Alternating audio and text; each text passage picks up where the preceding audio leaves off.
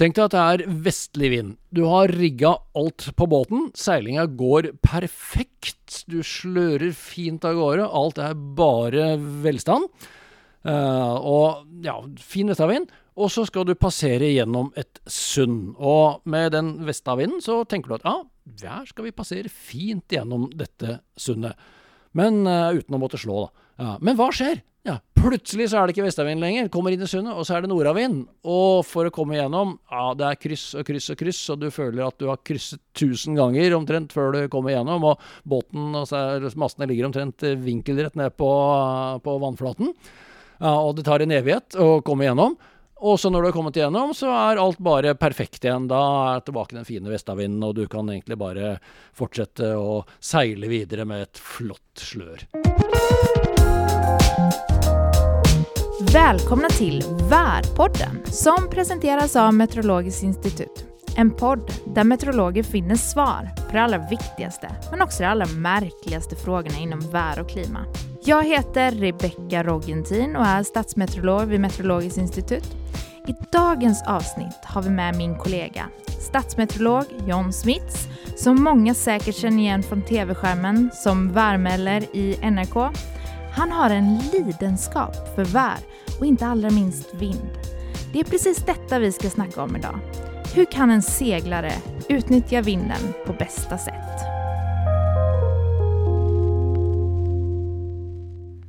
Hej John! Hallå! Välkommen till Värpodden! Tack, tack!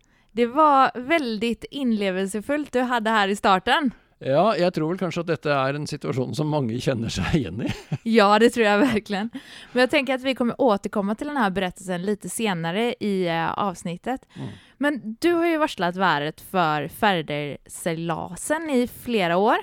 Ja, det har jeg. Det er vel, hvis jeg ikke har kommet helt ut av tellinga, så tror jeg det er eh, det 20.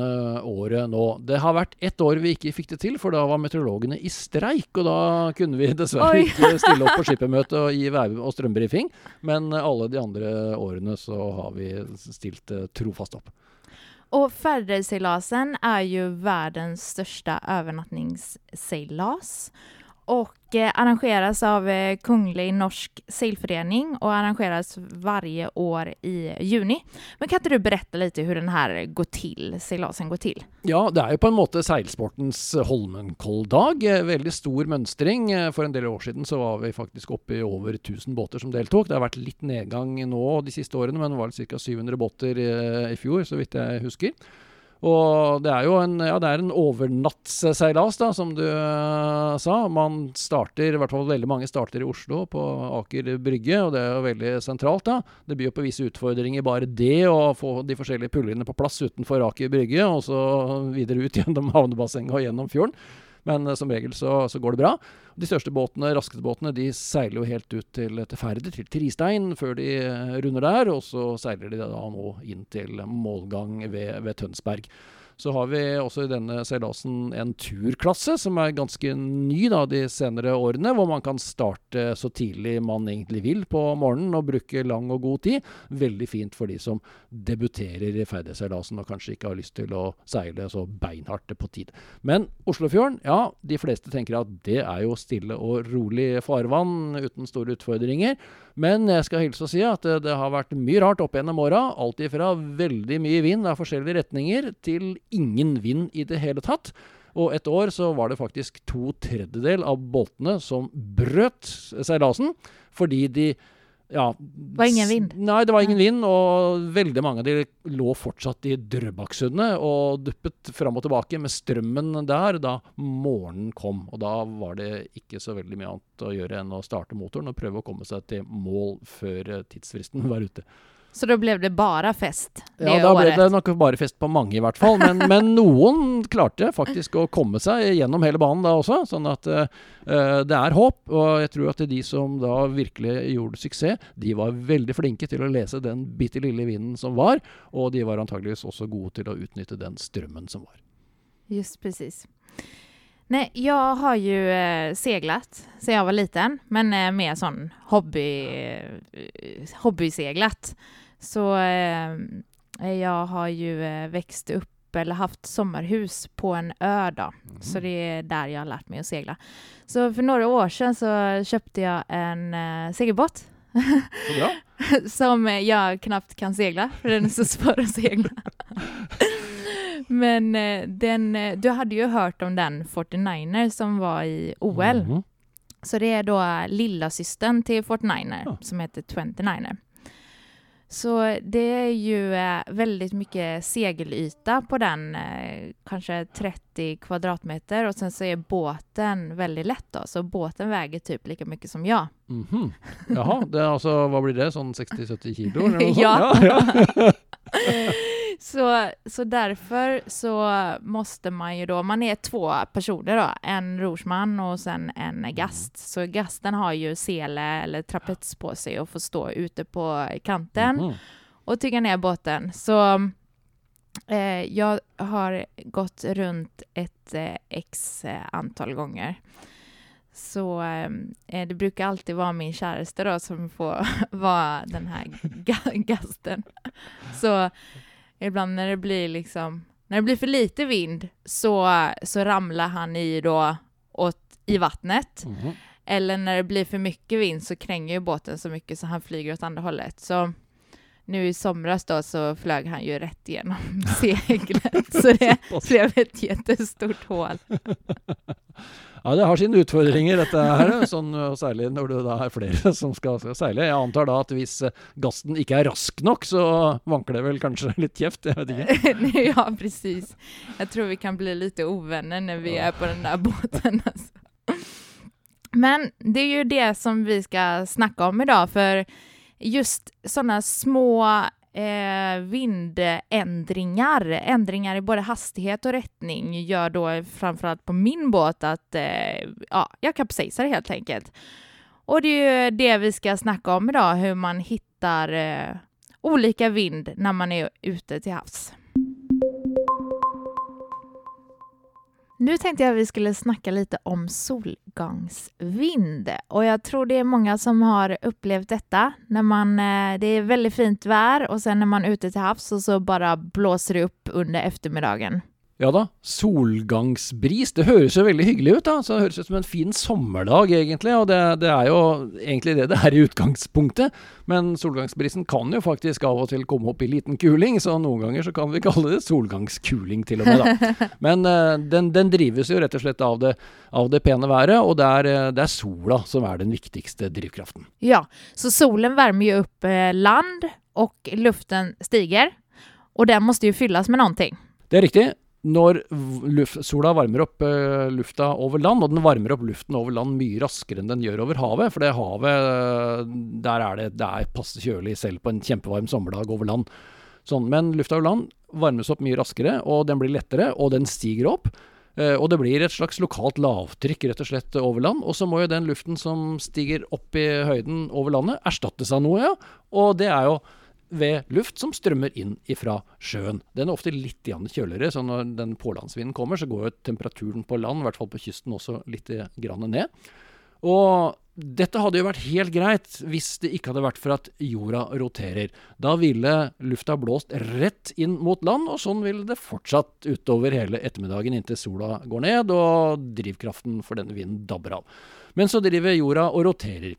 Og da får vi denne jordrotasjonens avbøyende kraft, som mange har hørt om, også kalt koroliskraften. Og den gjør at på den nordlige halvkule så får alle bevegelser som går over en viss strekning, de får en avbøyning mot høyre. Og sånn også med denne vinden som prøver å blåse fra sjøen og inn mot land. Så utover dagen, ettermiddagen, så dreier den mot høyre.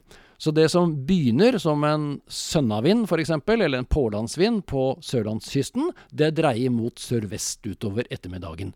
Og samtidig så øker den i styrke, og da kan den komme opp i frisk bris på ettermiddagen, og som jeg sa, kanskje også liten kuling noen steder. Men hvordan ser det ut da rundt omkring i Norge da, med solgangsvinden? Ja, da er det slik at på sørlandskysten, så, så er gjerne sånn tidlig på dagen, så kan det til og med være et nordøstlig drag. Og det er den motsatte, altså nattbrisen, for å si det sånn, da, rett og slett. da. Så begynner vi å få pålandsvind, og så, så drar det på med sørvestvind utover ettermiddagen. På vestlandskysten så er det slik at utover ettermiddagen så vil da vinden i en solgangsbrissituasjon øke på ifra nordvest. I eh, Trøndelag og på Møre og Romsdalskysten så er det kanskje mer nordøstlig retning. Mer nordlig kanskje i Trøndelag, og samme med, med Nordland. Mens er du på kysten av Troms, eh, så har du nordøst som retning på ettermiddagen. I Finnmark òg hender det at du har det, men som regel så er denne solgangsprisen eh, ikke så veldig fremtredende i Finnmark. Men de her dagene når det er kjempefint vær, da kan det vel enda bli så at det inte blir noen solgangsbris? Det kan det, og det er ting som overstyrer solgangsbrisen. Og det er jo kraftigere høytrykk og lavtrykk enn disse her helt lokale som du får dannet uh, da rett innover land og like utover kysten. Så hvis det er sterkere høytrykk og lavtrykk i områdene som gir en mer definert vindretning som, uh, som gjelder over et stort område, så vil det dominere denne solgangseffekten. Så det kan godt være at hvis du har et lavtrykk f.eks. som ligger ved Stad, som er ganske kraftig, og høytrykk nedover kontinentet, så vil det være sørvestvind f.eks. hele døgnet av omtrent den samme styrken. Og har du en annen konstellasjon som tilsvarer at du skal ha kraftig nordavind, så vil kanskje den også i en del tilfeller overstyre hele solgangsprisen. Og sen så forsvinner jo solgangsprisen når solen går ned. Da dabber vinden av, det er riktig, og så kommer det tilbake en vind i motsatt retning i løpet av natta, for da avkjøles land mye raskere enn det som uh, sjøen gjør, og så vil lufta begynne å strømme litt ut fra land og utover sjøen, men det blir mye svakere vindstyrker. Men om det er overskyet, da blir det ingen solgangsvind? Da blir det antagelig dårlig med solgangsbris, for da har du ikke denne oppvarmingen over land.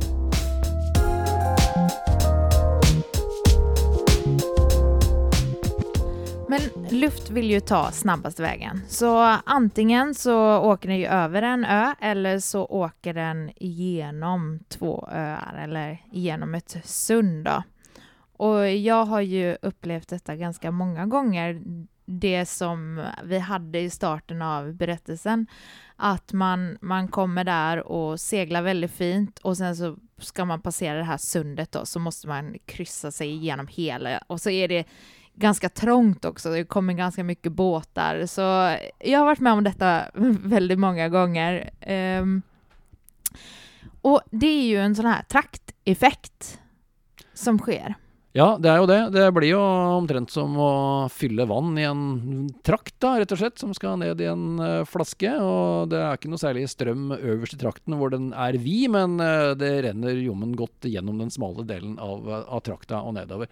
Og litt uh, det samme er det egentlig sånn med et trangt sund, f.eks., mellom, mellom to øyer at det er, det er god plass idet du nærmer deg sundet, så vinden har god plass til å bre seg ut og fordele seg på, rett og slett. Og så, så møter den dette sundet, og så blir det mye smalere, og i hvert fall kanskje litt av vinden klarer også å blåse over noe av terrenget som ligger på siden.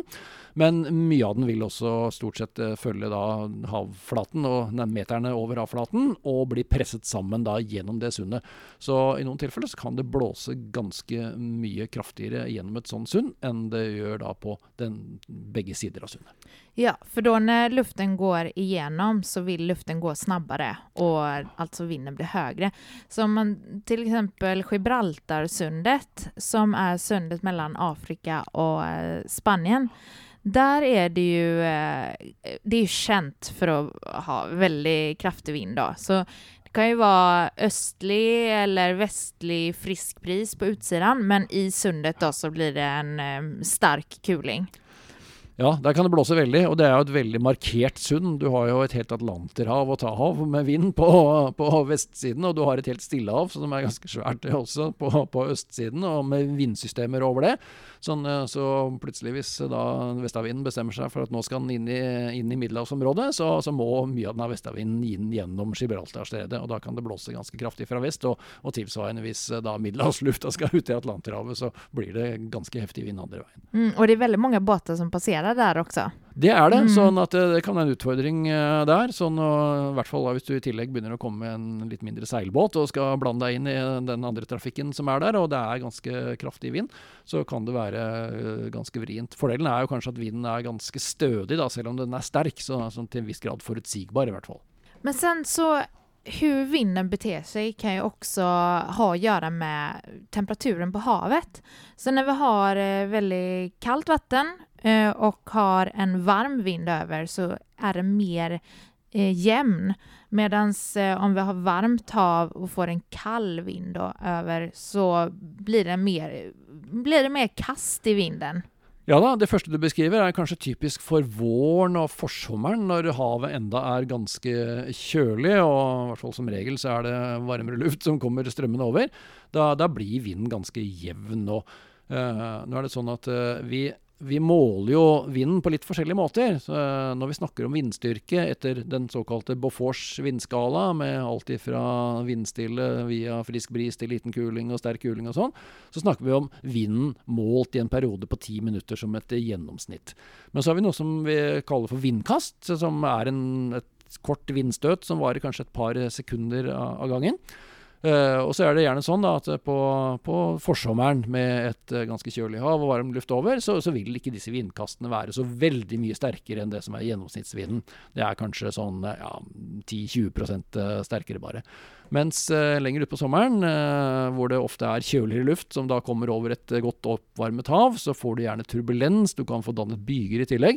Og da får, blir plutselig vindkastene sterkere sammenlignet med gjennomsnittsvinden. Da kan de kanskje være sånn 1,5-1,7 ganger denne gjennomsnittsvinden. Og et vindkast, det kan man jo se når det kommer på havet. Det er som mørkere flekker på havet, eller havet kruser seg. Och då vet man att vindkast eh, kommer och slår ner och det slår gärna ner från en högre höjd. Så då när man kommer in i det här vindkastet så kan ju det ha en annan rättning än vad själva eh, vinden har på backen. Och det kanske inte alltid är så lätt att veta exakt vilken rättning det vindkastet kommer å ha. Men ett tips är att man kan se det på eh, höjdvinden. Så antingen kan man se det på kartor eller så kan man då se på skyarna och se vilken retning de eh, rör seg i. Så hvis man da ønsker å seile med minst mulig skal vi si, vrange vinder og turbulens og sånn, så skal man seile på våren og tidlig på sommeren. Mens det er kanskje mer utfordrende å seile ja, fra slutten av juli og i august f.eks. Det var så roligt eh, när jag tänkte på detta för att eh, med min båt så eftersom vi kapsejsar hela tiden så seglar ju vi helst upp på, på hösten för det är lite varmare i vattnet. på våren är det så himla kallt i vattnet när man ramlar i. Så, men det är ju ganska dumt för då är det ju mer kastvind och ja. det är ju då det är lättare att slå runt. Så Du må begynne å seile tidligere på sommeren, rett og slett. Ja, Slutten av mai ja. utover, selv om det er kaldt i vannet. Ja. ja, eller så får jeg kjøpe en tjokkere våtdräkt kanskje, så man kan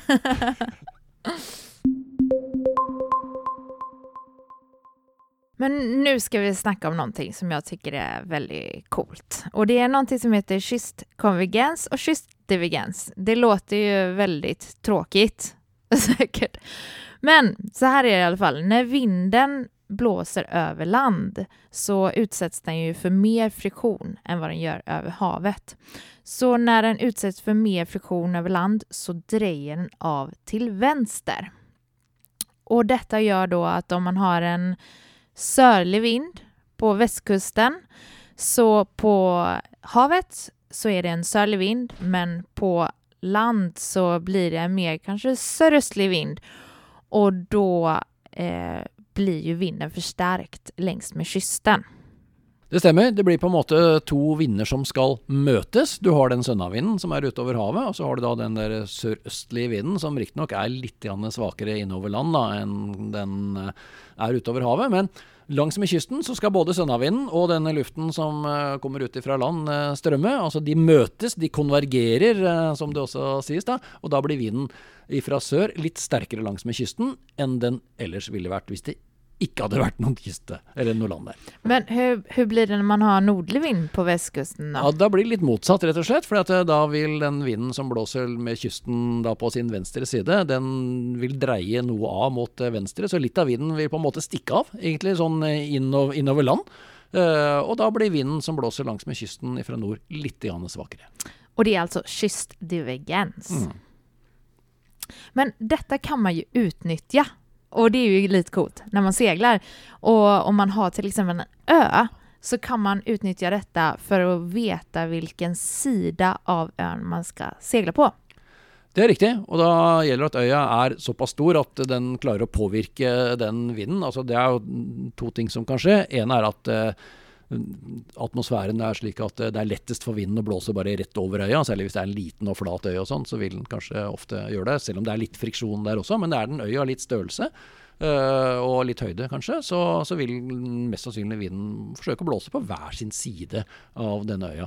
Og da plutselig så har vi det sånn at da, hvis du har sønnavinden igjen da, skal passere en, en øy, så hvis du passerer den øya på venstre side, så, så vil du da ha en forsterkning i, i vinden. Så seiler du i medvind uh, f.eks., så lønner det seg nok å passere den øya da på venstre side, sier jeg som er land, landkrabbe. Sånn uh, babordside ville man sagt hvis man var ute i båten.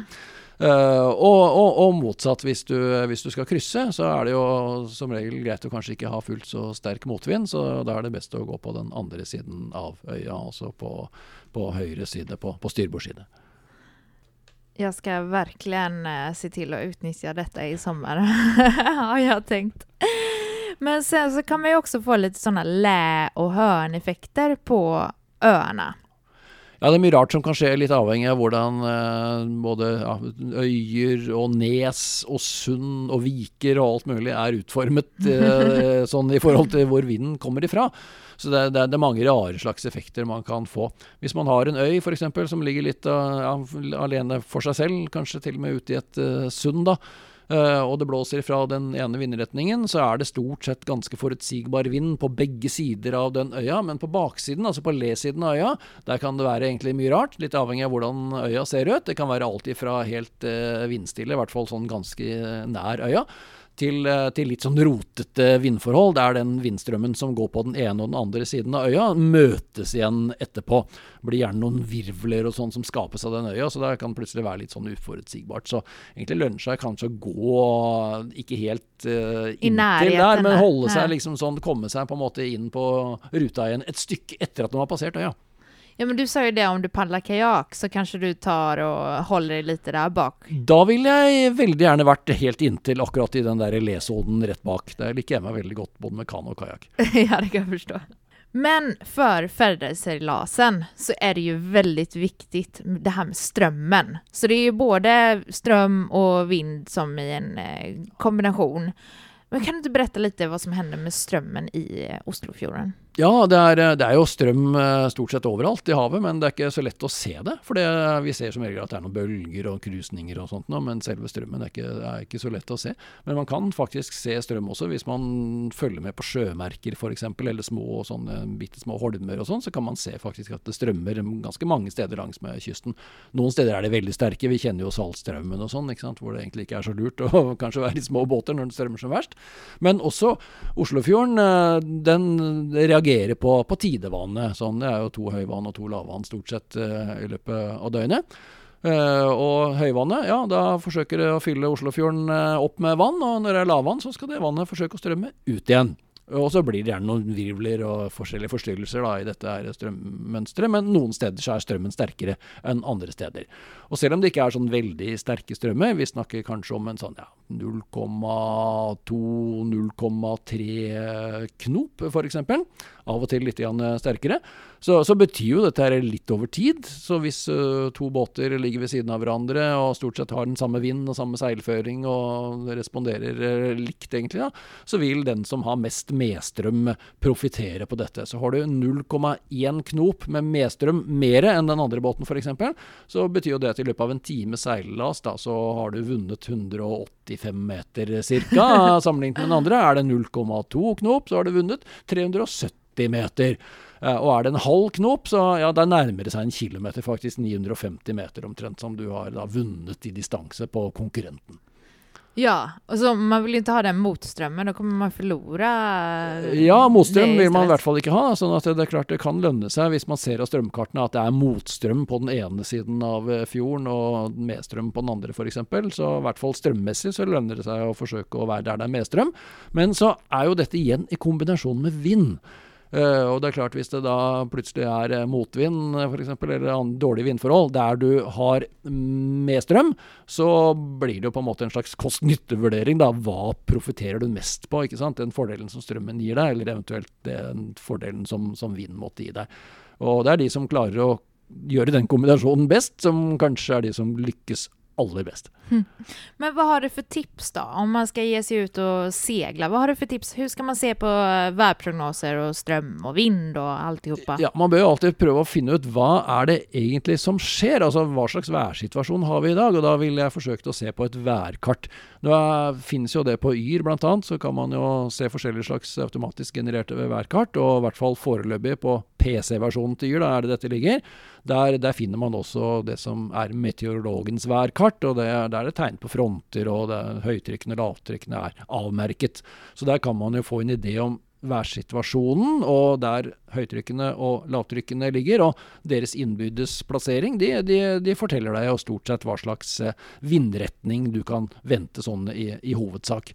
Uh, og så er det kanskje å gå litt mer eh, inn på detaljer. Det ligger også på Yr sin eh, PC-versjon strømkart, som er i hvert fall zoombare til en viss grad for det meste av kysten. Så det går an å få en idé om i hvert fall de storstilte strømforholdene. så det er en del sånn værmessige forberedelser som man rett og slett kan gjøre. Så kan man også følge med på Yr, selvsagt, og på detaljvarslene på Yr, da. Men være klar over at spesielt i, i situasjoner hvor det er mange sånne skal vi si, småskala værfenomener, som jeg kaller det. Typisk byger og sånn. Og torden. og torden, ikke minst. ja. Så, så, kan jo det gjøre at det, det vindvarselet man ser på Yr f.eks. For, for et visst sted, det, det, kan avvike da i forbindelse med sånne byger. Nå har jeg tenkt at vi skal ta og eh, runde av, så jeg vil bare si virkelig takk til deg, og for at eh, du har vært her og delt med deg av din erfarenhet. Och, och du är ju verkligen en eh, guru innanför eh, meteorologi. Så hade du tävlingsseglat, då hade ju du, då hade du kommit først. Det skal jeg ikke si. Det er andre som er sikkert like gode til å lese vind og vær og strøm som, som meg, men takk for tilliten. Du berättade jo her tidligere at du helst var ballast når du var på en båt jeg tror det er det jeg duger best til, i hvert fall uh, nå. Du er jo heldig som har egen båt. Jeg har jo aldri hatt egen seilbåt. Jeg har bare fått vært med, og som sagt antagelig vært uh, best i den funksjonen som, som ballast uh, i båten. Men ja, det hadde jo vært artig å lært seg mer om praktisk seiling. Ja, kanskje du kan kjøpe en seilbåt når du går i pensjon? Ja, det kanskje. Vi får se hva pensjonen duger til. Hvis ikke så får jeg bli med deg der du har båten din, Rebekka. Så får vi ja. prøve å ta litt prøveseiling. Men da, da, må jeg være gast, og er litt eh, ja, redd så for at har... jeg kanskje ikke strekker til å få kjeft isteden. ja, så du har selen da? Ja, litt, og henger ut over kanten? Ja, jeg ser meg for meg nå. Ja, sånn får håpe jeg da ikke går over bord isteden.